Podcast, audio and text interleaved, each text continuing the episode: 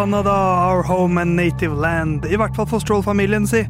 Canadas Grand Prix er på programmet denne uken. Lyden av Curbs skal også forsøke oss på 2024-feltet. Og så skal det nevnes at Ferrari er best i verden igjen. Men ikke Formel 1, da.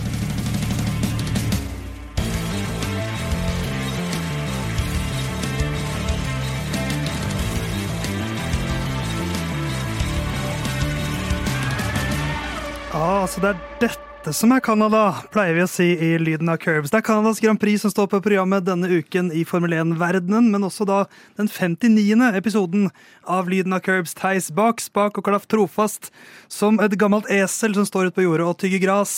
Men ved min side står et annet gammelt esel, som er på en måte det yngste eselet i studio her nå. Det er ikke Herman Borgstrøm. Eh, Vi skal komme til tredjemann i studio, men det er én som har vært der. Eh, På en måte Du har den nest lengste streaken gående nå, Andreas. Hvordan føles det? Ja, det føles uh, veldig bra. Ja. Nå føler jeg tilbake i den stolen jeg hører hjemme. Sist forrige uke så satt jeg på andre sida av bordet, og det føltes litt feil. Du hadde på en måte Halvorsen-sete. Jeg hadde Halvorsen-sete, og det er, ikke, det er ikke der jeg bor. Jeg bor jo i Borgstrøm-setet. Borgstrøm-setet. Herman er ikke her i dag, men, men du er jo du er i ferd med å bli eh, Altså Herman er ute med langtids, langtidsskade på et vis.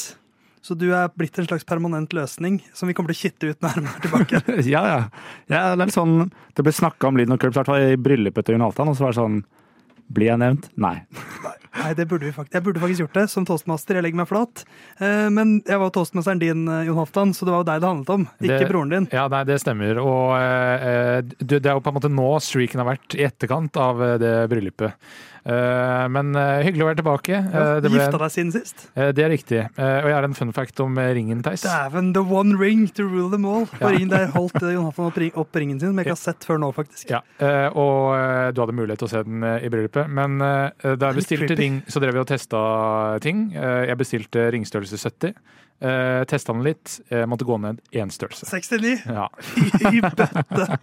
Det, det er eh, eh, så morsomt som man kan eh, gjøre ut av det. Eh, det var ikke et eh, bevisst eh, valg. Det bare Den forrige som den ramla. Eh, denne eh, gjør ikke det. Jeg skal bare skrive ned mens jeg husker det, at i 69, episode 69 som vi har, så bare husk å nevne det i introen min. Ja, det, Skal vi se, 69, Jon Halvdans ringstørrelse, hvis det er lov å si. eh, hvis det er lov å si. Eh, Men eh, Theis, eh, sist gang før vi snakka om alt det bryllupet og alt det surret, så har vi Ja. drevet og snakka litt om boligstylist osv. Ja, det. i det stedet du kaller, eller har kalt, eh, ditt hjem. Eh, et sted i, Oslo. Hva er status? Det er mitt hjem til 1. september, eller til siste dagen i august, da, som er den filmen til Trier. Eh, ja. Men jeg har solgt leilighet. Det gjorde jeg jo egentlig forrige tirsdag. Jeg husker ikke om jeg nevnte det på lufta. Ikke på lufta, du sa Nei, det idet vi var ferdig. Ja, ikke sant? Solgte leilighet til ca. 300 000 over takst, så takk for den, stylisten. Ja. Eh, I dag, en ny tirsdag, kjøpt leilighet i dag. Oh, Hei, gratulerer. Så eh, skal jeg flytte til Torshov, for de som lurer på det. ja. Der er det ikke masse skyting. Da finner jeg ut av hvor du bor nok en gang. Theis. Ja, ja, ja, det er sant for du er postmann. Alltid tidlig ute på din creepy postmannsrute. Eh, men da er vi klare for show i dag. Det er Vi vi. skal snakke om Canadas Grand Prix, for det er dette som er Canada. Mm. Eh, Le Mans skal vi snakke om.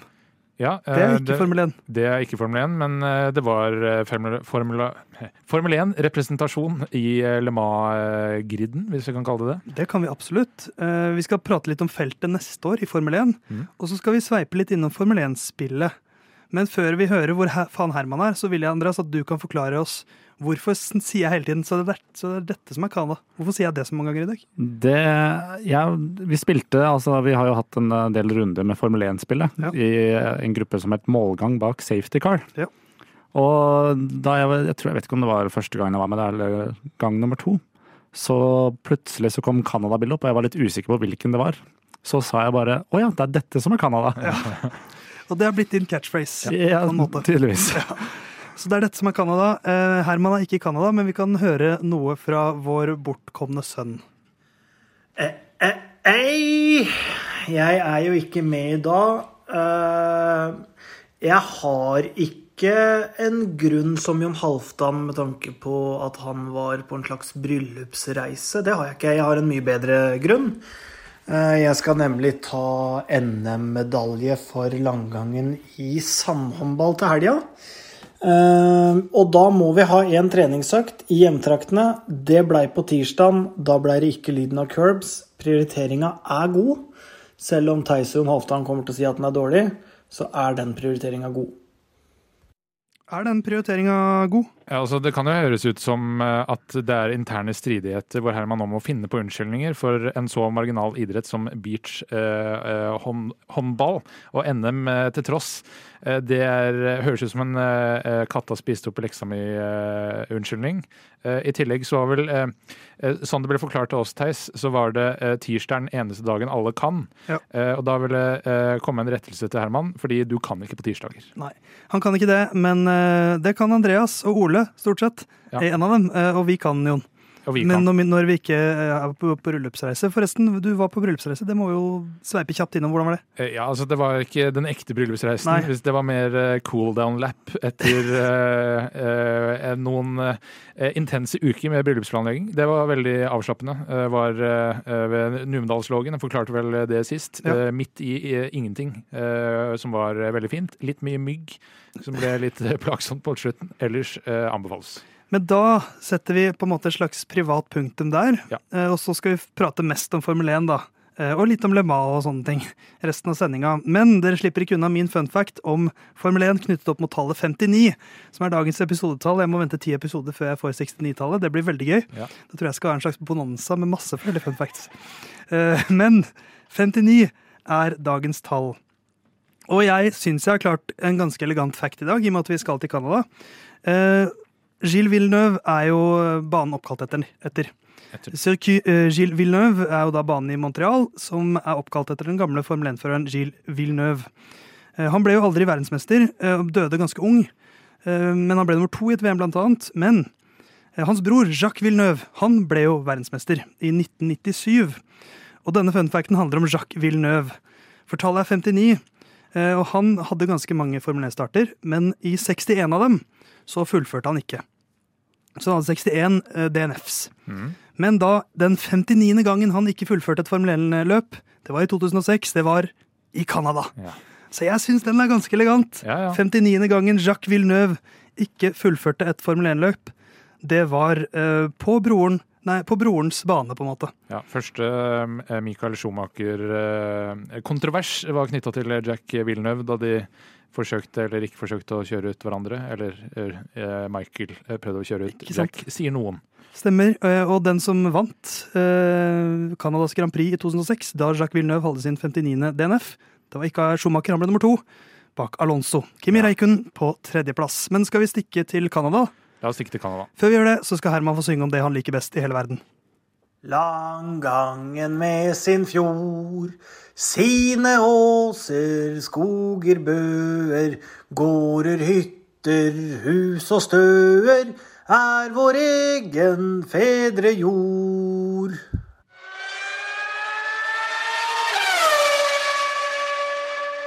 Ja, ja, mensan, så det er dette som er Canada. Jeg må bare beklage den lille sangen fra Herman, men eh, jeg måtte nesten gi han Han sendte, han sendte meg det lydklippet uten å forklare noe. Det er jo Langgangen-sangen, som er stedet han kommer fra, som han sang der. Ja. Um, sommerprogrammet i Formel 1 begynner på en måte i dag, føler jeg, for Spanias Grand Prix var 4. juni. Det syns jeg ikke regnes som sommer. Men når det er 18. juni, og det er Canadas Grand Prix, da syns jeg det er sommerfølelse. Så det er eh, det neste løpet nå. Det er eh, nå på søndag, og så er det en ukes pause før det er Østerrikes Grand Prix 2. juli. Så er det, eh, det er da den første i en doubleheader, som følges opp av Storbritannias Grand Prix. Så er det en uke pause før det er Ungarn og Belgia. Som en ny doubleheader, og så kommer sommerpausen, da. Så 30. juli er det løp, og så er det pause helt til 27. august. Så det er um, sommerprogrammet. Og vi skal begynne da med Canadas Grand Prix. Kan ikke du, Johnny Boy, ta oss gjennom eh, banen der? Jo, det kan jeg gjøre. Uh, dette er jo da uh, Hvordan uttaler du det, Theis? Cirque Gilles Villeneuve, ville jeg kanskje sagt. Ja. Eh, den er 4361 meter, og det skal kjøres totalt eh, 70 runder. Eh, og banen har 14 svinger. Eh, det, eh, det er to, eller tre DRS-soner, men bare to eh, DRS, DRS detection points. Det første DRS-sonen er i sektor to, før siste sving inn mot Hornålsvingen. eh, Der detection pointet til de to neste, som er inn mot Wall of Champion, som er siste sving. For det er bare én champion, ikke champions. Eh, Wall, of Wall of Champions, er det den heter? Du sa Wall of Champion. Ja. Hvis du måtte valgt én mester, hvem hadde du gått for? Ja, den, uh, hvis, Hvem av de? Det har vært så mange som har vært borti. Ja, det. ja. Derfor har fått uh, Da må det bli uh, The Michael, tror jeg. Ja. Ralf. Ja, Det det er Ralf, som jeg kaller den. Ja, ikke sant. Eh, og siste da inn mot sving 1. Eh, og dette er da en bane som eh, ble bygd etter at man var ferdig med verdensutstillingen i 1967. Eh, fordi som Frankrike bygde sitt Eiffeltårn til verdensutstillingen i 88-89, eh, 18 eh, sådan, eh, så bygde de- Canada her en eh, øy eh, som heter Notre-Dame Island. Eh, Her bygde man en bane etterpå. Første løp 1978, eh, og ble oppkalt da etter Jill Villeneuve eh, eh, seinere enn det. Seinere enn det. Det var det, det var det jeg hadde. Det var det. Eh, Det er jo da eh, Det er det 52. Canadas Grand Prix, vel. Hvor da, som du sier, eh, det ble brukt først i Montreal i 1978. Så de første ti var da litt andre steder. Um, Men hvis vi ser nå litt gjennom historikken, da, for de siste årene så har det jo ikke vært så mye moro fra Canadas Grand Prix for de som, eh, som oss, som kom inn med covid. Eh, på en måte 2020, sånn, sånn, sånn for alvor, sånn gjennom Drive to Survive og så bla, bla, bla. Eh, Det ble jo ikke noe løp i 2020 og 2021, så det har vært litt sånn jeg, jeg, Når jeg ser at Canada er på programmet igjen, så er det sånn ah, det er dette som er Canada. Ja. Fordi det er så lenge siden vi har sett det, føler jeg. Selv om det var der i fjor, da. Ja, ja. Da vant Max Verstappen. Så vidt. Eh, ja. eller Det var så vidt, ja. det, det var under et sekund mellom han og Sainz, men eh, det er en bane som er vanskelig å kjøre forbi. Eh, og det var jo egentlig det, det jeg husker best herfra. er Da begynte virkelig Bounce uh, Porpoising Gate å flomme over, fordi man begynte å snakke om at man skulle måle ting eh, på hvor eh, hardt bilene hoppa etter Aserbajdsjan Grand Prix. Og eh, det var snakk om sånn floor stay, sånn ekstra fester til gulvet som eh, man fikk lov og eh, ikke fikk lov, og så fikk lov å bruke i Canada, som Mercedes bare plutselig hadde. Eh, så eh, ja, mest kontroversielt uh, er det jeg husker med liksom bounce uh, Ja. og porpoising-greiene fra i fjor. Mindre løpet. Og hvis man går tilbake til 2019-utgaven, så er jo det utgaven som mange regner som Sebastian Fettels nest siste seier, hvor han Ja. ble nummer to. For han jo mista Han var først over mål, men mista det jo da på en tidsstraff. For han krosset over et parti der hvor han ikke klarte svingen, og da kom ikke Hamilton forbi, og da ble det Hamilton som fikk seieren. På mange måter det som knakk eh, Fettel, virka det som. Han hadde jo én seier til i Singapore etter at Charles Clair ble um, Utmanøvrert av Ferrari rundlurt av seg Pitwall. og, Ferrari. Eh, Men, men så det, det var jo nest siste gang Fettel var først over målstreken, i hvert fall. Ja. I et Formel 1-løp. Eh, Ellers så har det jo vært en, eh, en eh, Hamilton-dominert bane også. Han har vunnet der en del ganger. Vant der første gang i 2007. Eh, Året etter, Robert Kubica vant da. Så det sier litt om hvor lenge siden det var. Året før så vant Alonso, så det er i hvert fall lenge siden. Ja, og Det var vel Canada Grand Prix 2011 som ble kåra til tiårets løp, eh, etter at eh, det løpet varte vel en sånn fire timer. eh, og Hvordan det regna så mye. regna helt sinnssykt mye. Jensen Button kjørte ut Hamilton, fikk to drive-through eller noe sånt. endte opp med å vinne det ved å kjøre forbi Sebastian Fettel på siste runda, etter da tre timer og 45 minutter i race-modus. Ja, ikke sant. Det var synd det ikke var 2012-sesongen, da. Eh, anbefales å ses likevel. Ja, ikke sant. Um, ja, hvis vi skal gå litt gjennom eh, VM så langt, da, så er det jo ikke noen endringer. Men det føles så lenge siden at det var Spanias Grand Prix. Men det er nok mest fordi det har skjedd så mye ja. uh, i mitt liv. Både med at jeg har vært i bryllupet til han der, og jeg har solgt og kjøpt bolig. Ja, Det kan jeg Eh, skjønne. Uh, Jeg kost meg jo med Le Mai i helga, jeg, da. Uh, Men på en måte føles det lenge siden. Og Spania ble jo eh, omtrent så suverent og dominant som vi trodde. Eh, Så gjenstår det å se om Canada blir Ja. det samme. hva, tror, eh, hva tror du, Andreas? Det har vært Red Bull-seier i alle løp så langt. Ja, det blir vel ikke ja, Det ville overraske meg veldig hvis, altså hvis løpet går som normalt, ingen store ting skjer, så vil det overraske meg om det var noen andre enn Red Bull som vant. Det, vi skal jo komme tilbake til tippinga etter hvert, men, eh, men jeg kjenner meg jo for så vidt igjen der. Um, men så er det et Aston Martin-lag, da, som har sett litt sånn daff ut. Men nå har vel Alonso sagt at Spania blir siste gang der vi ikke kjemper der framme. Han sa vel det var siste gang utenfor podium, var det ikke det? Ja, jeg tolker det som kjempe der framme. Ja, det, det kan man jo øh, velge å tolke som man vil. Eh, dette er jo en bane som er eh, omtrent halve banen er DRS. Eh, ikke så ulik eh, Østerrike i så måte. Eh, og den, det DRS-verktøyet som det Red Bull har, gjør at det blir vanskelig for folk å holde de bak, tror jeg. Ja. For det er jo, når vi har prata om de siste løpene, så er det liksom vi må tilbake til 2011, da det regnet som F. For å Det var liksom sist man husker et heidundrende løp der, men det var kanskje litt unikt. Men eh, du hadde en betegnelse på dette løpet, Andreas. Jeg husker, Det var kanskje av lufta? Det var avlufta. Det var av lufta. Ja, Men du kan jo dra den på lufta også, så kan du forklare hva du mener med det. Jeg vet ikke helt eh, om det er fordi at vi vi hadde litt problemer noen ganger når vi spilte Formel 1-spillet, så vi spilte ofte Australia flere ganger. Så jeg har alltid kalt Canada den kjedelige Australia. Ja, Hva legger du i det? Jeg vet ikke, Det er kanskje det at det er mer ukjent for meg. Altså Banen er mer ukjent, så jeg er så vant, altså ble så vant til å kjøre Australia. Så når jeg kom til Canada, så var det sånn Det ligner, men det er feil. Ja, men den har litt samme viben, i hvert fall i spillet, og da også litt i virkeligheten. Fordi det er, det er jo en slags parkbane, eh, Ja. vil jeg kanskje si. Og den er, den er smal, det er ikke så mange forbikjøringspunkter. Ja, det er jo nesten i praksis en uh, gatebane. Uh, altså, det er ikke trafikk, iallfall ikke på hele banen året rundt. Uh, men hvis du er i Montreal, så kan du dra ut til Notre-Dame og gå på noen av veiene som brukes i banen. Eh, og den, og den, er, den er smal, eh, og du trenger DRS for å komme forbi, men det er vanskelig å komme seg forbi inn i de to siste svingene, også fordi den svingen er eh, ganske høyhastighet, og det er ikke plass til to i bredden. Uh, Da er det veldig sannsynlig at uh, man får et, en ny plakat å henge på Wall of Champions. Men Kanskje det er Max sin tur? Kanskje. Eh, Det er jo flere som eh, Det er jo tre verdensmestere nå som eh, kan gå innom der igjen. Max er usikker på om han har helt sikkert vært borti. Alonso har vel vært inni der, og jeg tror Hamilton også. Sikkert Louis også. Vi skal titte litt mer på lagene lenger ned ganske straks.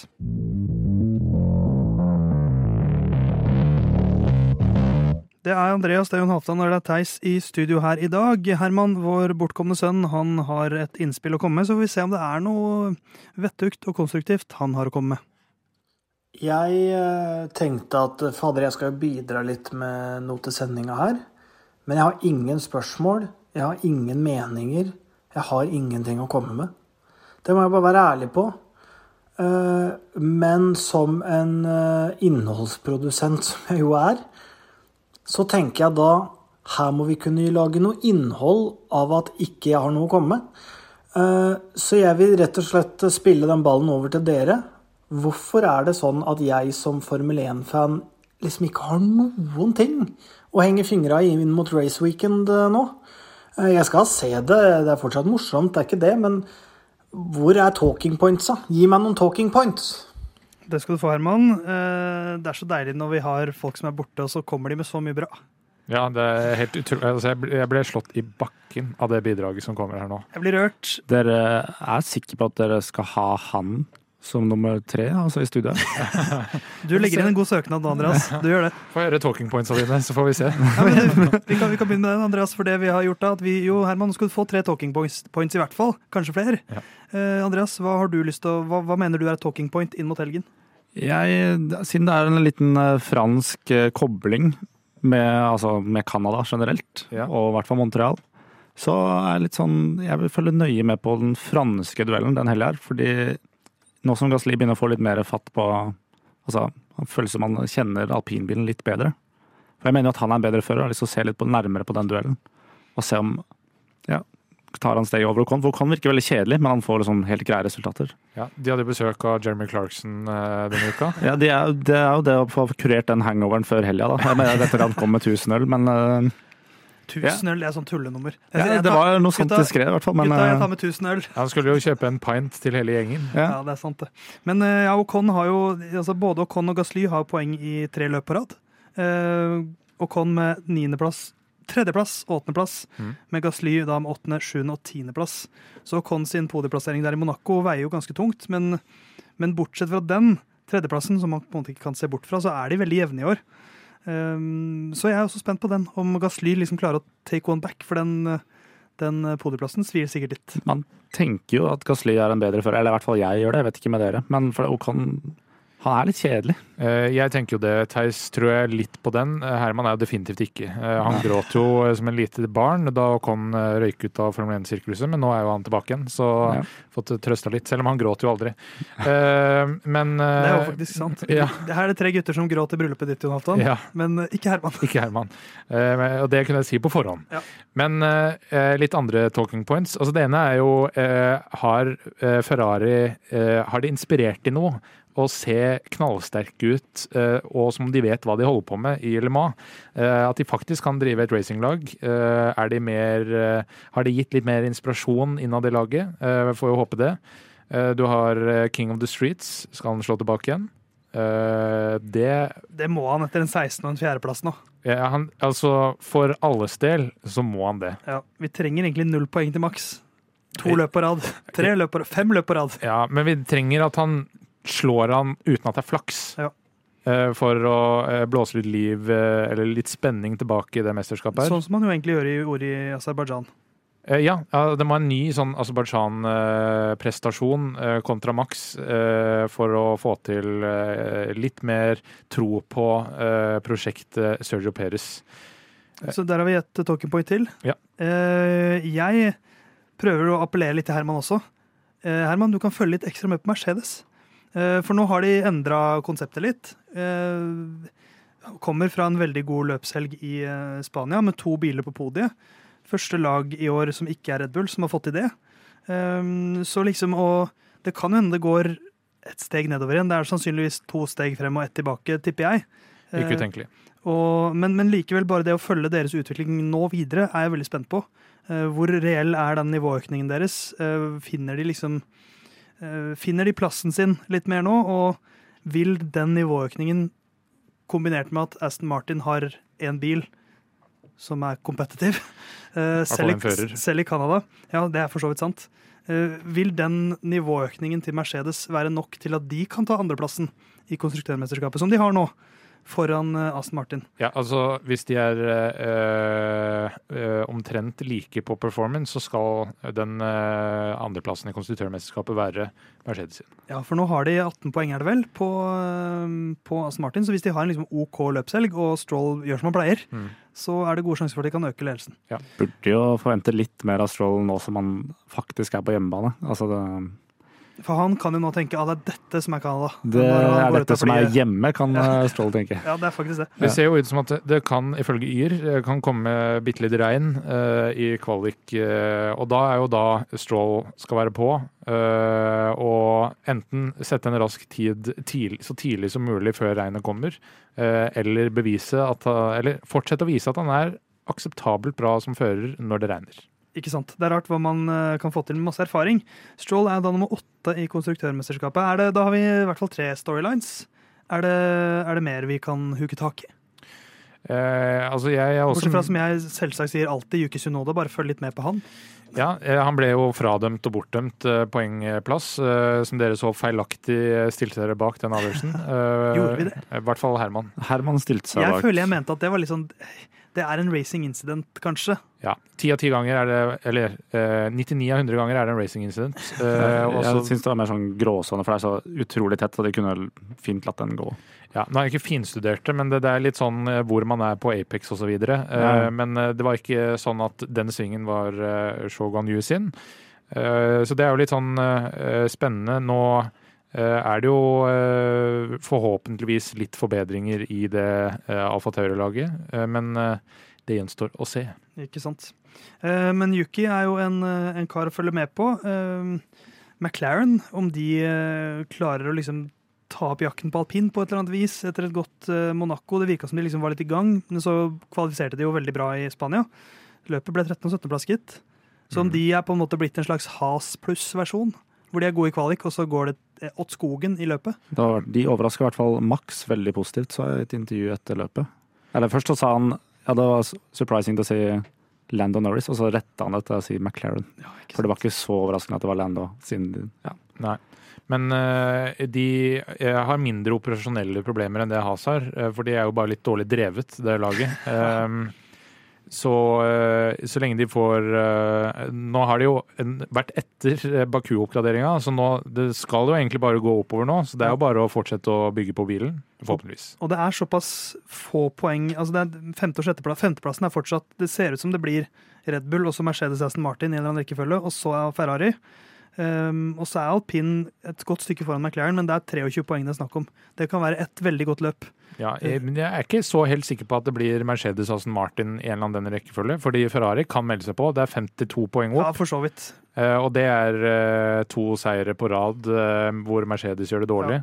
Men jeg syns pila peker flatest for Ferrari. Det, det er jeg enig i. Så vi får se. Vi skal tippe litt nå om Canadas Grand Prix.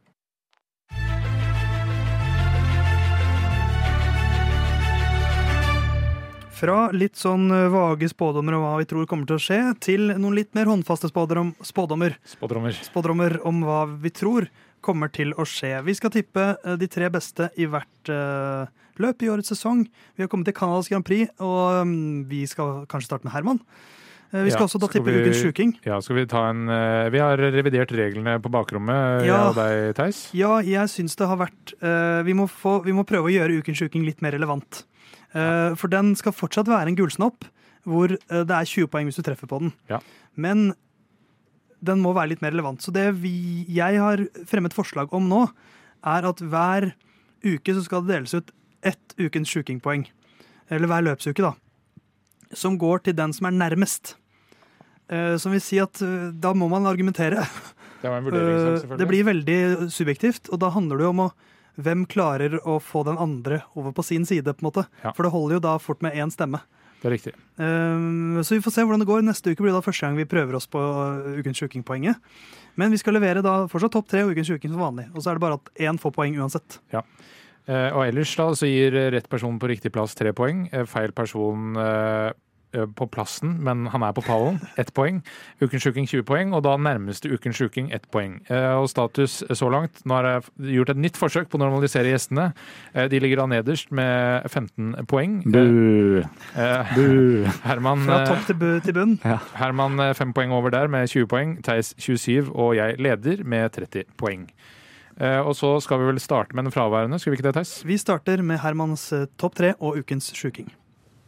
Min topp tre for Canadas eh, Grand Prix det er én Verstappen, to Alonso og tre Hamilton. Jeg har ikke trua på Ferrari eller Perez. Og ukas sjuking det er at Yuki Sunoda kommer over Fernando Alonso. Og er det nok, jeg tror? Nei, han kommer også på podium. Over Alonso og på podium. Eh, God dramaturgi der, syns jeg, fra Herman, eh, i måten han, opp, han leser opp Ukens sjuking på. Men skal vi godkjenne den? Eh, Det er jo ganske sjukt hvis Sunoda slår Alonso og i samme slengen havner på podiet. For da, eh, hvis det hadde vært å slå Alonso, så er det jo en sånn Alonso kan jo bare ikke fullføre, så har Ja. han gjort det. Ja, eh, fordi det er jo litt strengt å gjøre det strengere. Eh, samtidig så har vi tradisjonen for å stramme opp de som ikke er til stede. Det er sant. Eh, og hvis jeg skulle komme med et forslag, så er det at idet han kjører forbi Fernando Alonso, så er han borti vinga hans, eller en del, som gjør at okay. eh, Alonso må pitte. Så det er Sunoda som sørger for det selv, på en måte. Nei, eller vi kan si eh, Eller mitt forslag, da, er at eh, Sunoda kommer over Fernando Alonso eh, og på podiet. Og må kjøre forbi. Eh, Nå kommer det en melding her. Nei, nei, nei. uh, Hyggelig at du hører på live på Radio Nova, Herman. ja, uh, hvor det er en eller annen form for kontakt mellom Alonso og Sunoda idet Sunoda kjører forbi Alonso. For det er jo den strenge varianten. Ja. Eventuelt så kunne man tatt en mer presis en, at Sunoda blir nummer tre. Eller Sunoda blir nummer to. Ja. Ehm, hva syns du, Andreas? Hvilken, eh, hvordan skal vi, for, det, for jeg er enig at det bør være sånn at når man ikke er her, så stramme seg til. ja, det må det gjøres. Og det gjelder alle. Ja, ja. Ja, så hva, hva syns du, Andreas? Hvordan kan vi stramme det til best? Nei, eh, som eh, vikar som aldri sender inn tips sånn ikke er her, Ja. så er det vanskelig å bli sur når dere strammer det til. I Ja. hvert fall siden jeg vet hvor lite Herman dukker opp. Eh, Men eh, nei, er er det ikke greit da? Altså, hvis han er borti vingen til Ja. Alonso, Altså Eller- at Alonso må pitte. Nei, men, men jeg støtter faktisk eh, Han må fullføre tredjeplass. Ja, sånn at vi gjør det litt mer konkret. Ja. Eh, han kan ikke bli to eller én, men Nei. han må bli nummer tre. Gjør, Ja. gjør nåløyet litt smalere. Så, kan vi heller si, hvis han blir nummer to eller nummer én, så kan vi si du er nærmest ja, ja, det, ikke sant? For da, er jo, da kommer den nye regelen inn i spill, Ja. som er helt genial. Så uh, Sunoda nummer to eh, og slår Alonso. Nei, nummer tre og slår Alonso. Og eh, topp tre, som vel var Verstappen, Alonso, Eh, Perez? Hamilton. Hamilton. Eh, skal jeg ta min nå, eller? Kjør på. Eh, jeg tror det blir litt som Eminem ville sagt det, snap back to reality. eh, i, I løpet på søndag. Jeg tror Verstappen tar det foran Perez og Alonso. Så en Ver Per Arlo, Uh, som er på en måte det nye i Formel 1 nå. Ja. Han ver Per uh, er liksom mer Ja. schwung over. Ja, han Ver Bott var jo jeg veldig glad i. Ja. Eller han Bott Ver likte jeg enda Ja. bedre. på en måte. Uh, ukens sjuking skal handle om en av mine favorittførere gjennom tidene. Ja. Nicolas Latifi sin raskeste runde i Canada 2022 er raskere enn samtlige runder i 2023-utgaven på tilsvarende runde. For den beste runden som eh, Nicolas Latifi hadde i Canadas Grand Prix i fjor, det var runde 61. Da kjørte han rundt på 1.18,540, som var ca. tre sekunder treigere enn Sainz sin raskeste runde. Ehm, Så mitt, eh, min ukens uking er da at på runde 61 i årets Canadas Grand Prix så kjører ingen raskere enn det Latifi kjørte 61-runden i fjor. Den er ikke så komplisert, egentlig. Nei, den er egentlig ganske rett fram. Ja. For det, ok, Jeg kan si den på en renere måte. På runde 61 så kjører ingen raskere enn 1.18,540. Som var Latifi sin beste runde under Canadas Grand Prix i fjor. 1.18,50. 1.18,540. 540. 540. Uh, ja, fordi Den er konkret, i hvert fall. For er- handler, alt, om, alt handler om én runde. altså det, Ja, for det er så utrolig spesifikt. Uh, men du kommer til å sprette champagnen hvis det blir safety car på runde 60. For det er, det er jo noe sånt jeg håper på. At Ja. enten så kommer det regn uh, Det er jo for det som er sjansen min. Ja. At regnet kommer eh, på, den, på det stedet at det dekker over runde 61, eller at det blir safety car på en ja, vis. men den, den er så vanskelig å ta på konkretheten at jeg tror jeg må godkjenne den. altså. For vi har hyllet konkrethet før. Ja, det har vi. Jeg var veldig fornøyd med den selv. Ja, det skjønner jeg. Andreas? Ja, jeg har sikta meg inn på fjorårets løp og Og gått for samme topp Nei, nei, nei. Samme topp tre. Ja. Max Science, altså Hamilton. Oi, det er jo en ukens sjuk i seg selv. Det er jo litt det med Science der oppe. Ja. Det tenkte jeg Ja, men det, jeg har trua på Ferrari av en eller annen merkelig grunn. Og så Det sto litt mellom å gå for en litt mer konkret ukens sjuking denne uka her, siden jeg var litt søkt eh, sist gang jeg hadde. Eh, ja. Men uh, husker dere at det gikk rykter om Alonso og Taylor Swift? Om jeg gjør. ja. Det Til helga så møter hun opp, og så er det offisielt. Og på runde 22 så bryter hun ut i sang. Jeg vet ikke med deg, men jeg føler meg 22. Ja, ja. Åh, ok, så, det, så Din ukens sjuking er at denne helgen så blir det offisielt. ja det er Det min er, så, ukens sjuking. det er så godkjent som det og, blir. det. og må være til stede. Ja, og, altså, hun er jo der. Det er altså, Canada er jo ikke så langt. Jeg vet ikke akkurat hvor Taylor Swift holder til sånn Hva er det hun synger? I, I will show you incredible things, kommer Ja. Fernando til å si til henne. uh, nei, Det er kjempebra ukens sjuking. Jeg liker at du har gått veldig Du er, du er på en måte ukens sjuking svar på Se og Hør, Ja. Og det mener jeg som en hyllest. Mens du, Jon, ukens sjuking svar på Teknisk Ukeblad. Eh, Det er faktisk, det er faktisk ikke så hva, hva har du til oss? Her kan jeg se for meg at det blir eh, innstramming, eh, men samtidig eh, Det, det brenner en del i Canada, Ja, fader, det er sant. det. på vestsida. Montreal er Vestsida eh, i Porsgrunn. Nei. Jeg er, er på høyre side av landgangen, er det kryss på E18. Eh, på, altså er mer høyre, Ja. eller øst, da, i Canada. Men jeg har da ukens Uking Minst én session, da kan vi si nøyaktig en, eller hvilken session, blir avlyst som følge av røyk etter skogbrannen i Canada. Ikke sant. Avlyst, ikke rødflagga. Denne sant? skal ikke ja, kjøres. Så den kommer ikke i gang engang. Nei. Uh, jeg, liker, jeg liker det, men jeg vil at det skal være enda mer konkret. Eh, Du kan, du kan få ja, nei, Du får høre hva du, hva du sier selv først. eh, fordi det er meldt eh, regn lørdag og søndag, så må det bli FP2. Ok, Men jeg liker konkretheten, så godkjent fra meg. Eh, Hadde du godkjent den, Andreas? Ja, ja. Ja, Det betyr ingenting, fordi at det holder at én godkjenner. Det gjør det. Du driter egentlig i det. Jeg pleier å la dere ta dere av godkjenninga når jeg sitter her som vikar. For jeg føler liksom ja, jeg har så sterk stemmerett når jeg er på besøk. Du har det. Ja, du har det. Du er eh, fullmektig vara. Okay. En vara er på, på nivå med styremedlem Ja, eh, når eh, hen er til stede. Så før jeg oppsummerer tippinga, så skal jeg oppsummere den siste mailtråden jeg har fått. Nei, nei, nei, nei, nei, galskap. Det er ny presedens. Dere kan ikke skape en ny presedens og si at den er etablert. Uh, fuck dere, piss. Tenk å godkjenne den med tregere biler i år. Uh, og det er ikke ny presedens, Herman. Det er en presedens som har vært her lenge. Ja, men, men jeg, jo, jeg tenkte at jeg kom til å få den der er treigere biler i år. Men det er fortsatt, som jeg sa, han Tre var, han var ca. tre-fire sekunder bak den raskeste runden i fjor. Ja. Så jeg tror nok eh, at jeg, jeg må ha litt flaks. Ja, du må, du må ha flaks. Eh, men da, for å oppsummere, eh, sa jeg egentlig topp tre? Nei. Nei. Det gjorde jeg ikke. Uh, Førstappen, Alonso og Hamilton. Så samme som Herman hadde tippa. Hvem skulle trodd? Eh, eh, men i alle fall. eh, Herman har tippa da Førstappen, Alonso og Hamilton, sammen som meg. Theis har tippa Førstappen, Peres, Alonso. Mens Andreas har tippa samme resultat som i fjor. Førstappen, Science, Hamilton. Jeg tror at FP2 blir avlyst som følge av røyk etter skogbrannen i Canada. Andreas tror at Taylor Swift dukker opp på banen, og det er offisielt at hun og Alonso er et par. Eh, Theis tror at på runde 61 kjører ingen raskere enn 1.18,540. Ja. Eh, Som er raskeste runda til Nicolas Latifi i fjor. Som ble satt på runde 61 i fjor. Eh, og eh, an- Herman tror at Yuki Sunoda kommer over Fernando Alonso og fullfører på tredjeplass. Litt skrudd til der, det må du leve med. Ja, Så det blir våre tippetips denne uka. Så tenkte jeg at Hermans, sin, Hermans siste melding til oss skal jeg bare avslutte denne, dette segmentet med. Herman skriver på Facebook dere er høyreekstreme.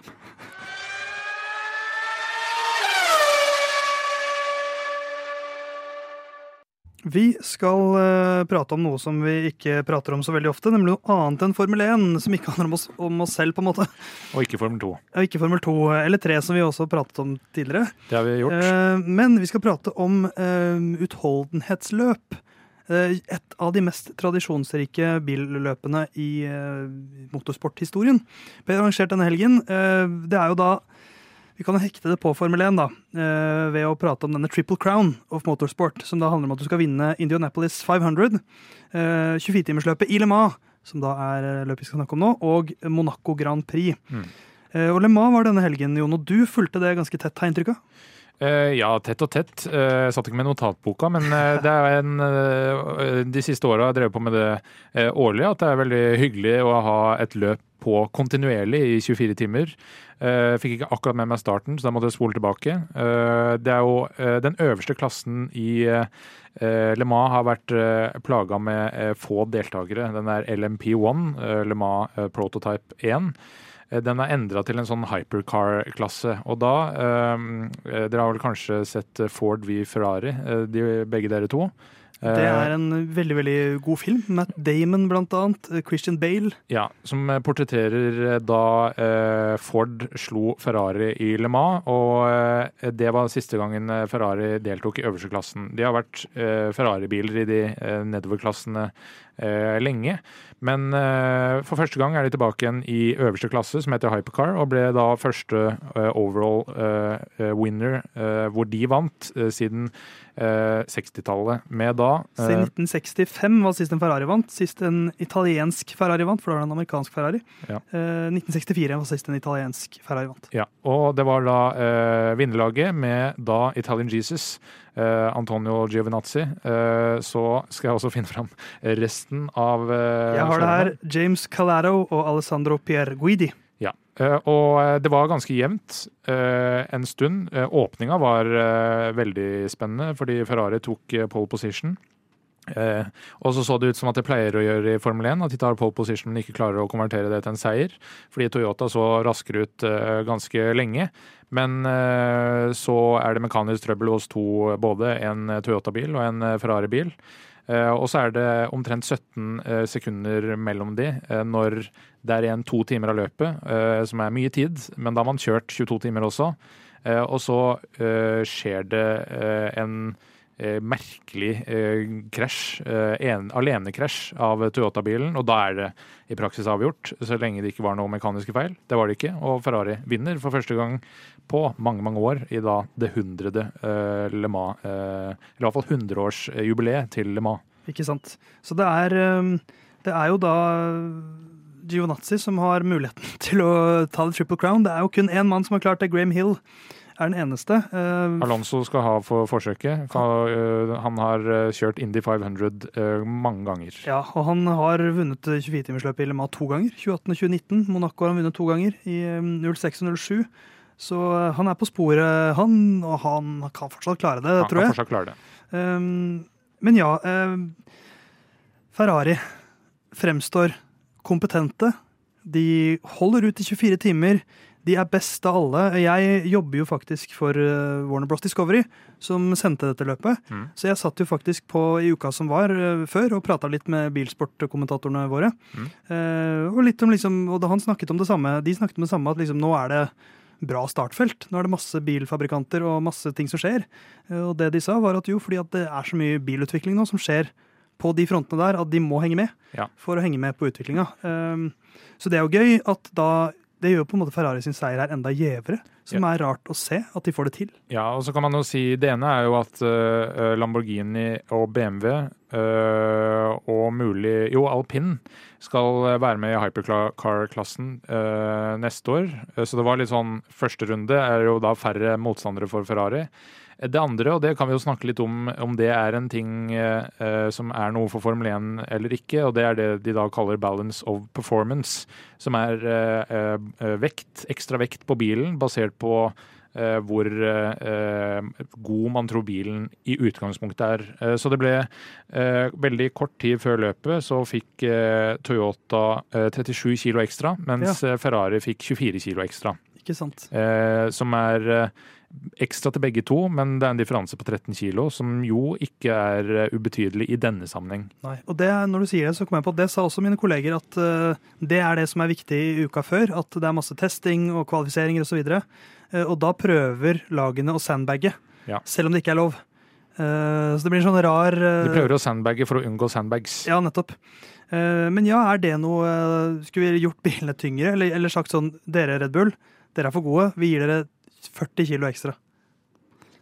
Ja, men det hadde utgjort noe Ja, det hadde vel utgjort en ganske stor forskjell med 40 kilo ekstra. Absolutt. 40 er kanskje litt for mye, egentlig, i Ja. en Formel 1-bil. Hver, hver 10 kilo er uh, ett tidel uh, Ja. på rundetid. Altså det, det, det er ikke ubetydelig. Ja, det hadde kanskje gått da med så god Red Bull. Kunne hatt i kvalik. Ja, så kunne, de- altså nå, Da kunne de kjørt for full, eh, full maskin, da, ikke på sånn trekvart som de driver med nå. Sier noen. Men uh, jeg syns jo det er veldig spennende her at det fins Cadillac Racing. De skulle jeg gjerne sett i Formel 1, kjenner jeg. Ja, jeg er enig i at jeg syns det er litt kjipt at, at eh, for Sånn som Ford versus Ferrari, da. Det som er gøy der, er når liksom amerikanerne kommer og skal utfordre det etablerte, og så klarte de det. Ja. Eh, se for deg hva amerikansk bilindustri egentlig er kapabel til. Eh, hvor liksom Hvor mye penger det er snakk om. Og så har vi Hasia, eh, ja, som er med, men det er jo en slags jalla-løsning. Ja, det er jo i praksis Delara og Ja. Ferrari. Eh, men eh, ja. eh, det er jo absolutt plass til ett lag til, og det var jo egentlig snakk om det med han der Navnet glipper meg nå, men som var så veldig gira på å kjøpe et Formel 1-lag. Jeg skal finne ut av det. Ja. Eh, hvor det var jo snakk om samarbeid med eh, en eh, amerikansk bilfabrikant. Ford kommer jo inn nå eh, hos eh, Red Bull, eh, så det er jo ikke eh, uten representasjon. Ja, det er sant, så det, Men det hadde vært uh, veldig gøy. Uh, 24-timersløp er jo forlokkende, syns jeg. Og det, jeg føler at Andretti. Andretti. Mauro Andretti er selvfølgelig um, Men jeg, jeg må nevne når vi først snakker om Le Mans, at jeg har jo også kjørt 24-timersløpet i Le Mans. Virtuelt, da, vel å merke. Eh, ja, Gran Turismo. Men også vunnet det. Så jeg har også jeg har på en måte tatt Og jeg har også vunnet Monaco Grand Prix i vår eh, Formel 1-spillkarriere. Men ikke Indy 500. Så vi må spille noen NASCAR-greier for å kunne ta den digitale. Men det kan jeg anbefale. Hvis du har en, en rar vennegjeng, sånn som jeg har, eh, dra i gang et 24-timersløp og gjør, gjør et ordentlig LAN ut av det. Samle seg i et lokale, ha, ha skjermer ved siden av hverandre med ratt og pedaler, og kjør på lag. Eh, vi, var, vi var to biler, eh, så det er klart Vi tok ledelsen, mitt lag, etter ca. en halv runde. Og leda resten av døgnet. Ja. Eh, og vant til slutt med seks runder. Eh, og det er klart, Le Mans er lang, så har to biler på Le Mans eh, Det var kanskje, hvis vi skal gjøre det igjen, ta en kortere bane og ha flere biler med, er mitt tips. Ja, altså Endurance har jo både sekstimers og tolvtimers løp, eh, så man må ikke gå Nei. all in på 24 timer. Tolv timer lettere å fullføre. Um, så gratulerer til Ferrari. Gøy å se følelsene som kom fram. Det er jo første gang på 60 år at de klarer å vinne 24-timersløpet. Ja, det er jo det. Og så er det De fremsto overraskende eh, hva skal jeg si, solide og sikre eh, Ja. når de hadde strategiske avgjørelser underveis. Eh, som er eh, litt eh, overraskende når man ser Ferrari ellers i motorsport. Så vi sier Forza Ferrari, og så får vi se hvordan de klarer seg i Canadas Grand Prix.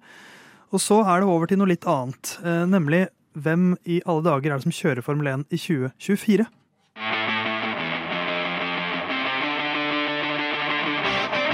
Det er sommer, ikke bare i Norge, men også i Formel 1-sporten. Og det betyr ofte at vi begynner å nærme oss litt sånn kontraktsavtaler. Ofte har jeg inntrykk av mange kontrakter som signeres sånn nå og ut til sommerpausen er over i, eh, i slutten av juli. Mm. Så da skal vi prate litt om neste år.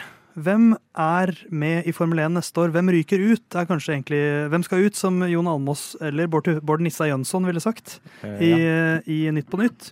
Eh, Så vi skal gå gjennom feltet litt, se hvem er det som er på trygg grunn før neste år, og hvem kanskje ryker. Mm. Så vi kan begynne på, på toppen. Red Bull. Max Verstappen har kontrakt ut 2028, så jeg tror han er trygg. Eh, Det vil jeg si. Og Tsjekko har jo kontrakt ut 2024. Mindre trygg.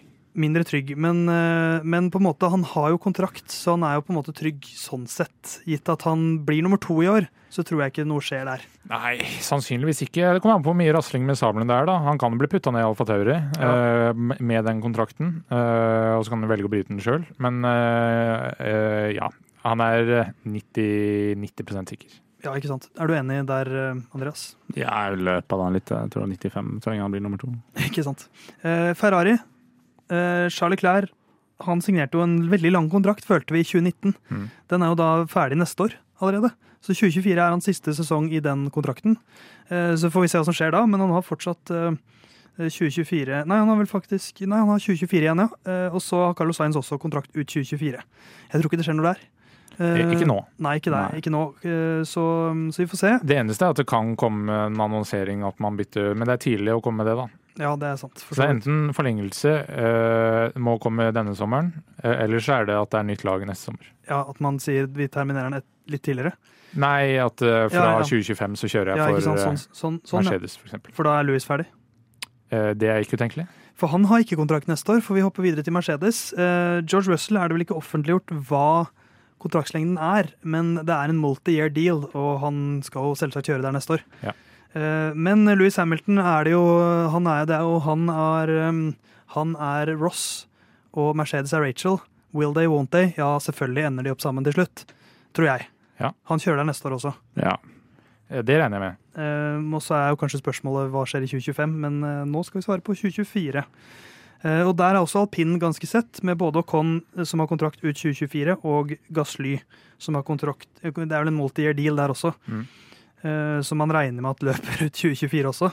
Så den er ganske sett. Eh, så foreløpig så er det veldig sånn satt. Eh, McLaren, Norris 2025, Piastri ut 2024. Piastri har gjort mer enn nok til å ikke terminere. ja. ja. Men så, førstemann som er i faresonen, er i Alfa Romeo. Valtteri Bottas har også en multi-year deal, som eh, i hvert fall ikke da denne oversikten ble skrevet for noen måneder siden, som jeg leser fra, Ja. eh, at det var noe offentliggjort. Men jeg regner med at han kanskje har kontrakt neste år også. Mm. Eh, Men Zhou Ganyu er den første som man vet ikke har kontrakt neste år. Bortsett fra Louis Hamilton. Og hva syns vi der? Zhou Ganyu. Jeg tror han får et år til, jeg. Tror du det? Hva, hva tenker du om Jo, eh, Jon? Eh, Det er da han har kontrakt ut 2023. Fra 2026 så kommer eh, Audi inn. Eh, Jeg vil tippe han signerer en ny toårskontrakt, 24-25, eh, og så tar man det derfra. Ja, for han har, han har to Det er jo hans andre sesong. Første sesongen så var han jo eneste rookie, så da var på en måte Jeg lot meg jo imponere av han, men vi hadde vel også et inntrykk av at alfabilen kanskje var ganske bra. Mm, ja, i hvert fall i starten. starten. Men nå er han jo eh, fillerista Bottas innimellom. Så jeg syns jo han på en måte har styrket sine aksjer. Eh, og jeg syns ikke han har gjort seg bort, så jeg syns jo egentlig han fortjener det. Eh, Men alfasete når du er ung, er jo ikke det tryggeste setet å ha. Så jeg tenker hvis, hvis sånn eh, Ollie Bearman, som er eh, Ferrari-akademifører, Mm. hvis han plutselig skulle vinne Formel 2 da, som 19-åring, så ser jeg ikke bort fra at kanskje plutselig er det noen som sier Ferrari sier kanskje Vet du hva, vi har han inn hos dere. Ja, eh, det, men det, det må noe sånt til, og da, selv da så er jeg ikke sikker på så Jeg vet ikke helt hva jeg tror, men, men Ja, jeg, jeg tviler på eh, at eh, i og med at de skal bli Audi, så er det liksom Ja, det er eh, De tar ikke inn noen nye for å hyggelig med Ferrari nå. Nei.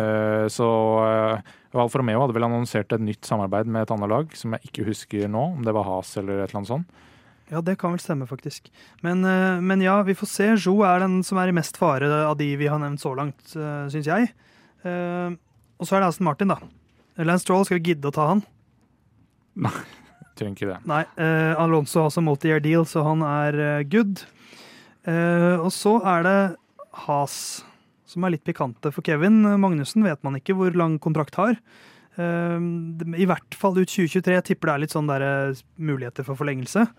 Eh, Nico Hulkenberg har ut 2023. Ja. og jeg vet jo ikke helt hva de vil. Jeg, for jeg skulle til å si, Her kan jeg se for meg at en ung kar kommer inn, men så kommer jeg på at det er Gunther Steiner som er sjefen, og da tror jeg kanskje ikke det. Nei, øh, og jeg, tipper de to får forlenga. Ja. Altså, det surra så mye med den bilen at de to øh, Magnussen er vel den som har vært mest øh, usikker, eh, i hvert fall etter hva som er blitt eh, uttalt fra Gynter. Eh, men jeg tror de to får forlenga. Er du enig, Andreas? Hvem, hvem syns du fortjener det mest neste år? Eh, Kevin eller, eh, eller Nico? Eh, Det er tidlig å si det, men, hvem, men nå, i snakkende stund. Akkurat nå så er det vel Hulkenberg som har fire poeng mer enn her var det fire? Jeg tror det var fire poeng. Selvfølgelig er det den som ligner mest på Nico Hulkenberg i studio, som syns at Nico bør få eh, beholde plassen. Jeg som ligner mest på Kevin Magnussen av alle som er her nå, får vel da si at jeg syns Kevin fortjener det mest. Ja. Fordi Men, han har god god kvalik pace. Det er jo litt kjedelig, så jeg skulle gjerne sett begge to ut. da. Men litt for, ja. Jeg, syns, jeg, syns, jeg er enig, jeg syns det er en kjedelig eh, førerduo. Men Det det. det er jo ikke utenkelig Altså samarbeidsmessig, men eh, at Aston Martin de er jo nå Uh, de, de skal ha ny motor også, uh, som jeg heller ikke husker hvilken motor var. Honda. Jo, ja, det stemmer. Honda. De hadde annonsert samarbeid der. Uh, at man kanskje får til noe Det er tett Ferrari-samarbeid, for all del, men hva med Drugovic inn? Ja, det er sant. Han er også en som knakker litt på døra. Mens i Alfa Tauri så har vi Yuki Sunoda, som er i ferd med å fullføre siste år på kontrakten sin. Eh, jeg mener jo han har åpenbart gjort nok til å få en ny kontrakt, og det er på en måte ikke så mange andre seter jeg tror han er aktuell for. Bortsett fra Red Bull, hvis, han liksom, hvis det skjærer seg helt Mm. for Tsjekko sin del. Så plutselig så kitter de han inn. Eh, men Yuki kan jeg se for meg få sånn en treårskontrakt med Alfa Tauri nå.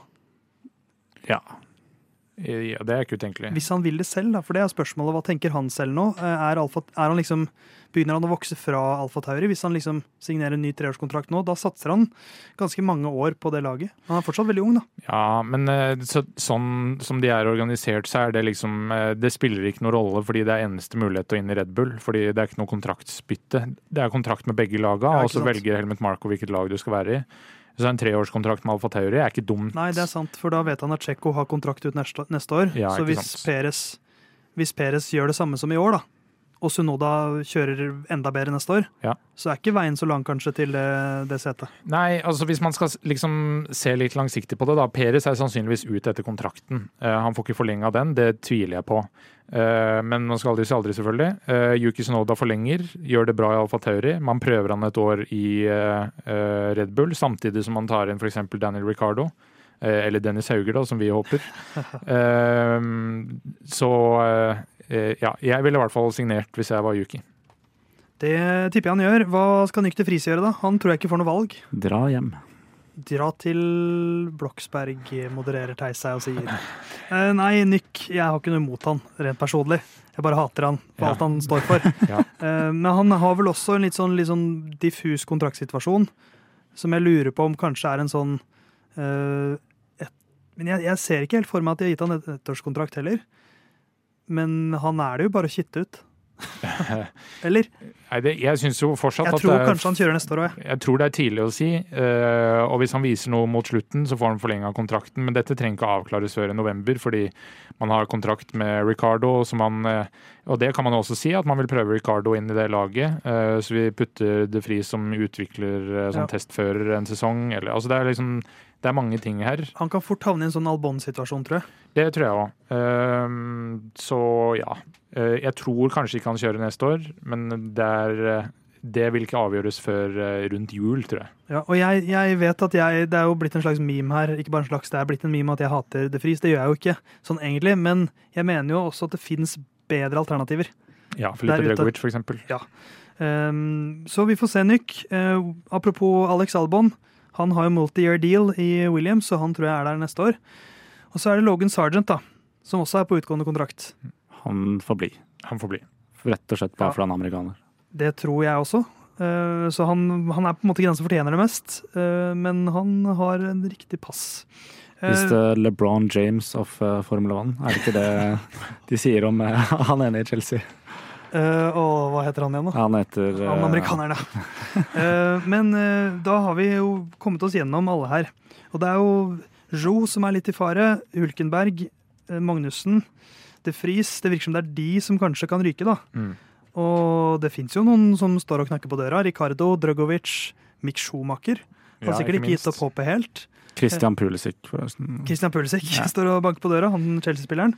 Og så er det jo alltid den derre Formel 2-mesteren som alltid kommer til å bli nevnt på et eller annet vis. Ja, og det er jo Men, hvem, hvem det blir, vet man jo ikke ennå, men om det blir Vesti, Pocher, Iwasa, en japaner til inn, eh, Denis Auger kanskje. Ja, nei, eh, det er jo litt sånn eh, man burde pitcha inn eh, penger fra alle laga for å skape et ellevte lag som man kan bruke til utviklingslag. eh, som er Det ene setet er garantert eh, F2 én sesong. Eh, hva man skal gjøre med siste, usikker. Så vi får se eh, hvem som hopper inn. Jeg synes Vi kan avslutte med spørsmålet Kommer Daniel Ricardo til å kjøre Formel 1 neste år? Den er litt til deg, Herman. Ja. Ja. I hvor da? I Alfa Tauri. Ja. Hva tror du, Andreas? Nei. Ok, Hva gjør han isteden? Spiller musikk for Herman? Det blir nok noe DJ-ing uh, Miami, tenker jeg. Ja, Han fortsetter å leve influenserlivet, men han gjør det ikke som Formel 1-fører, tror jeg. Uh, fra Formel 1 til uh, Formel 1 i den virtuelle sfæren.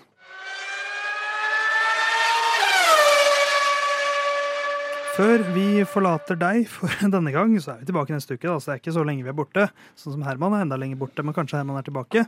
Men Andreas, du er jo en gamer. Det er jeg òg.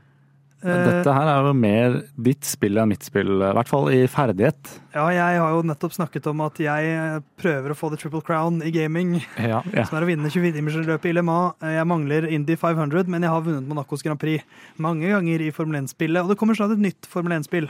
Det gjør det, og du, er, du kan vel Altså, Early Access er vel ute i dag. tror du det. I dag, som er da 13. juni. 13. juni, ja. Det er det som er dagen i dag, Theis. Det er helt riktig. Men så har de jo da begynt i Formel 1-spillet, litt sånn som inspirert av Fifa, og disse kortene i Fifa hvor du får stats på alle spillerne. Så har de da gjort det samme nå, siste to-tre årene, Ja. i eh, Formel 1-spillet. Og det går på lik linje som eh, i Fifa, så er det fra 0 til 99. Ja. Så da har jeg egentlig tre spørsmål, så kjører vi en liten runde med under versus over. Altså to førere, hvem har best score? Så hvem tror dere er best? Det sier jo egentlig seg selv, men det er et sånn enkelt spørsmål. Ja, det, jeg føler at der, er, der føler jeg reglene er, som jeg syns de bør følge. Den som nettopp ble verdensmester. Eh, ja, så det er vel Verstappen. Det er Verstappen som har den høyeste scoren på spillet, to over nestemann. Ikke sant? Men hvem er de andre to som faktisk har over 90 score? Ikke sant? For det er, hva, har, hva har Verstappen? 94. 94. Det er to Eh, til med over 90. jeg 92 og 91. Nei, begge har 92. og vet du hva jeg tipper? Da er det Leclerc og Hamilton. Jeg tipper Å, den er Jeg går for Hamilton og Alonso. Og da er det Theis som Ja, tar dem. den. Det er bang der, on, faktisk. der, eh, det er jo en føyde som kanskje er i ferd med å bli et vennskap. Ja. Eh, Føyde eller Feide? Fei, føyde. Feide. Eh, mellom de to som har hatt mye beef. Men da er det litt søtt at Formel 1-spillet er sånn, vet du hva, vi tør ikke å skille de to. Vi setter dem likt. Så er det jo selvfølgelig noen som er rata litt dårligere enn andre. Det er tre stykker under 70, nei fire under 70. Ja. Men det er to stykker som er et stykke unna de andre. Og hvilke to er det? Den ene er selvskreven, Jon. Lance Stroll? Eh, nei, det er det ikke. Fordi at det, det som man skal huske, er at er, erfaring Ja, okay. veier jo ganske tungt ja, er, på, på disse ratingene. det, er, Det er Show og Piastri, da. Nei, eh, De Vries. Jeg tror det er De Frys og Logan Sargent. Og Theis har riktig nok en gang, faktisk. ja, ja, Begge er er mitt spill, vet du, Jon. Er Begge er rata 71, og nestemann på lista det er jo da selvfølgelig Piastri, som er Ja, tredje som er ny, og han er 74. Så det er et stykke bak han. For det er veldig tradisjon også i Formel 1-spillet at de, det er ikke tilfeldig at eh, Alonso og Hamilton har, er så høyt oppe, for de har ekstrem erfaring. Nei, og det er ikke langt unna på å tippe altså Den fjerde er jo Shogun Yu, som er under 80, da. Ja, ikke sant? Men og da kjører vi en runde under versus over. Og det er litt sånn tilfeldig i skjemaet mitt at det ble De jeg sier først, har gått for fem bokstaver på hver. Jeg vet ikke, og det er bytta på fornavn og etternavn. Helt tilfeldig. Okay. Ja, men uh, første runde er Peres versus Science. Oi. Hvem er over? Oi, den, de har jo De er jo litt sånn like på et vis, føler jeg. Ehm, at de har De mangler kanskje litt spisskompetanse, begge to. Eh, Jeg tror Peres under Sainz, jeg. Jeg støtter det. Jeg tror science er over. Og dere tar begge feil. What the fuck? Selvfølgelig. Det ga samme svar. Men hva, hva er forskjellen der? Har du Det er, er én i score. Peres 89, Science 88. Det er jo helt. Der føler jeg uh, Science blir straffet for fjorårssesongen altfor hardt. Det- er Eller og- erfaring, selvfølgelig. ja, ja, erfaring kan jo også spille inn her. Og uh, ja, neste runde. Kevin mot Nico Hulkenberg. Der har jo De, de er ganske Hulkenberg bør vel score litt bedre på erfaring, men jeg syns at Kevin Jeg tipper Kevin har høyest pace, som de kaller det, altså høyest tempo. Nei, jeg tror Kevin er høyest fordi han var der også i fjor. Ja, og dette er jo ofte i størst grad basert på fjoråret, så jeg Men for at vi ikke skal svare det samme hver gang, så sier jeg at Hulkenberg sin erfaring gjør at han er først. Ja, Kevin har best score. Ja. Med én bedre enn Så de er, de er jevne, da. Det, Ja. Det er kanskje en gjenganger i duellene mine her at de er ganske jevn score. Ja. Og neste er Lando Norris og George Russell. Oi, der tror jeg Å, den De er jo også Du de skal, du skal få gå først. de er også sånn som Science Sainz og, og Perez, litt sånn like for meg. Mm. Uh, både fordi de snakker det samme språket, men også fordi de er jo jævlig gode begge to. Uh, jeg tror Russell, fordi han har blitt plukket opp av Mercedes. Jeg tror Norris. Russell har da blitt rata ned fire hakk fra i fjor. Oi, Så det er Lando Norris Lando han, som som bare er tatt ned ett hakk. Han er liten til å være så god. På, han er altså da 89, da, og Russell har 88, samme som Science. Ja. Siste duellen er den franske duellen. Ja. Gasly versus Ocon. Den er um, Man hadde jo liksom bedre sammenligningsgrunnlag for uh, Ocon sin del uh, mot uh, Alonso. uh, så man har liksom Man kan sette en, et skille mellom de. Eh, men her tror jeg eh, at det er et lurespørsmål. De har lik score. Å, jeg hadde tenkt å si det samme. Jeg, si, jeg, å, men da, jeg har lyst til at vi skal være sammen om dette, Jon. Ja. Jeg tror også det er lurespørsmål. Det er ikke det. Nei! Ja, men da har du, Det- lurt, da har du dobbeltlurt oss. Det er Okon som Ocon, er ett hakk bedre. Det var gode nyheter for Herman. 86 Ikke sant? med Gasly på 85. Så det er, det er på en måte De har valgt ganske mye safe her, syns jeg. Jeg synes det mest overraskende var at Russell hadde blitt dratt ned så mye. Men tror dere Lance Stroll er over eller under de to? Under. Under. Under, ja. 84. Godt å høre. Ja. Men uh, den er ikke 84, burde være Det fornøyd. er, det er Aston Martin som har kommet best ut av det. Begge de to er rata greit opp. Ikke sant? De eh, har jo hatt et, en, nivåøkning. Uh, det får bli det. Teste ut Formel 1-spillet. Vi skal sikkert snakke litt om det i løpet av sommeren. Uh, men det, jeg vil også anbefale alle å sjekke ut en YouTube-video hvor eh, Bare søk på F1 driver rating.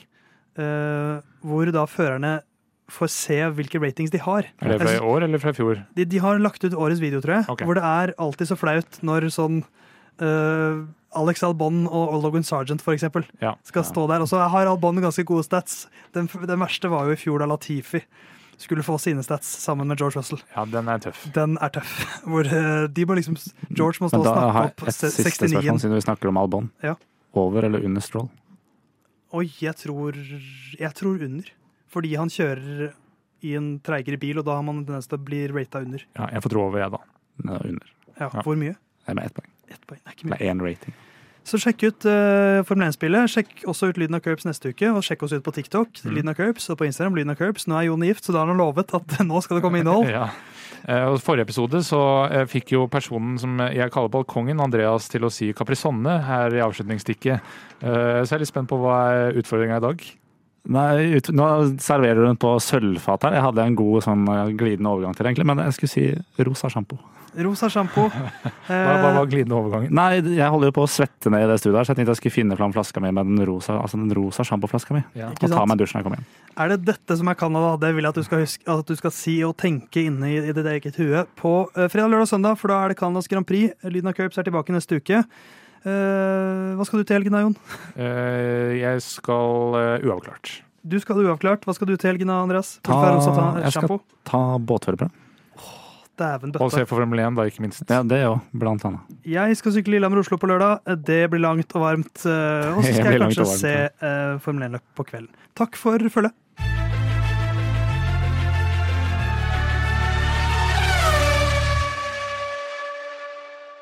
Good luck this weekend, Stroll. Langgangen med sin fjord, sine åser, skoger, bøer, gårder, hytter, hus og støer, er vår egen fedre jord.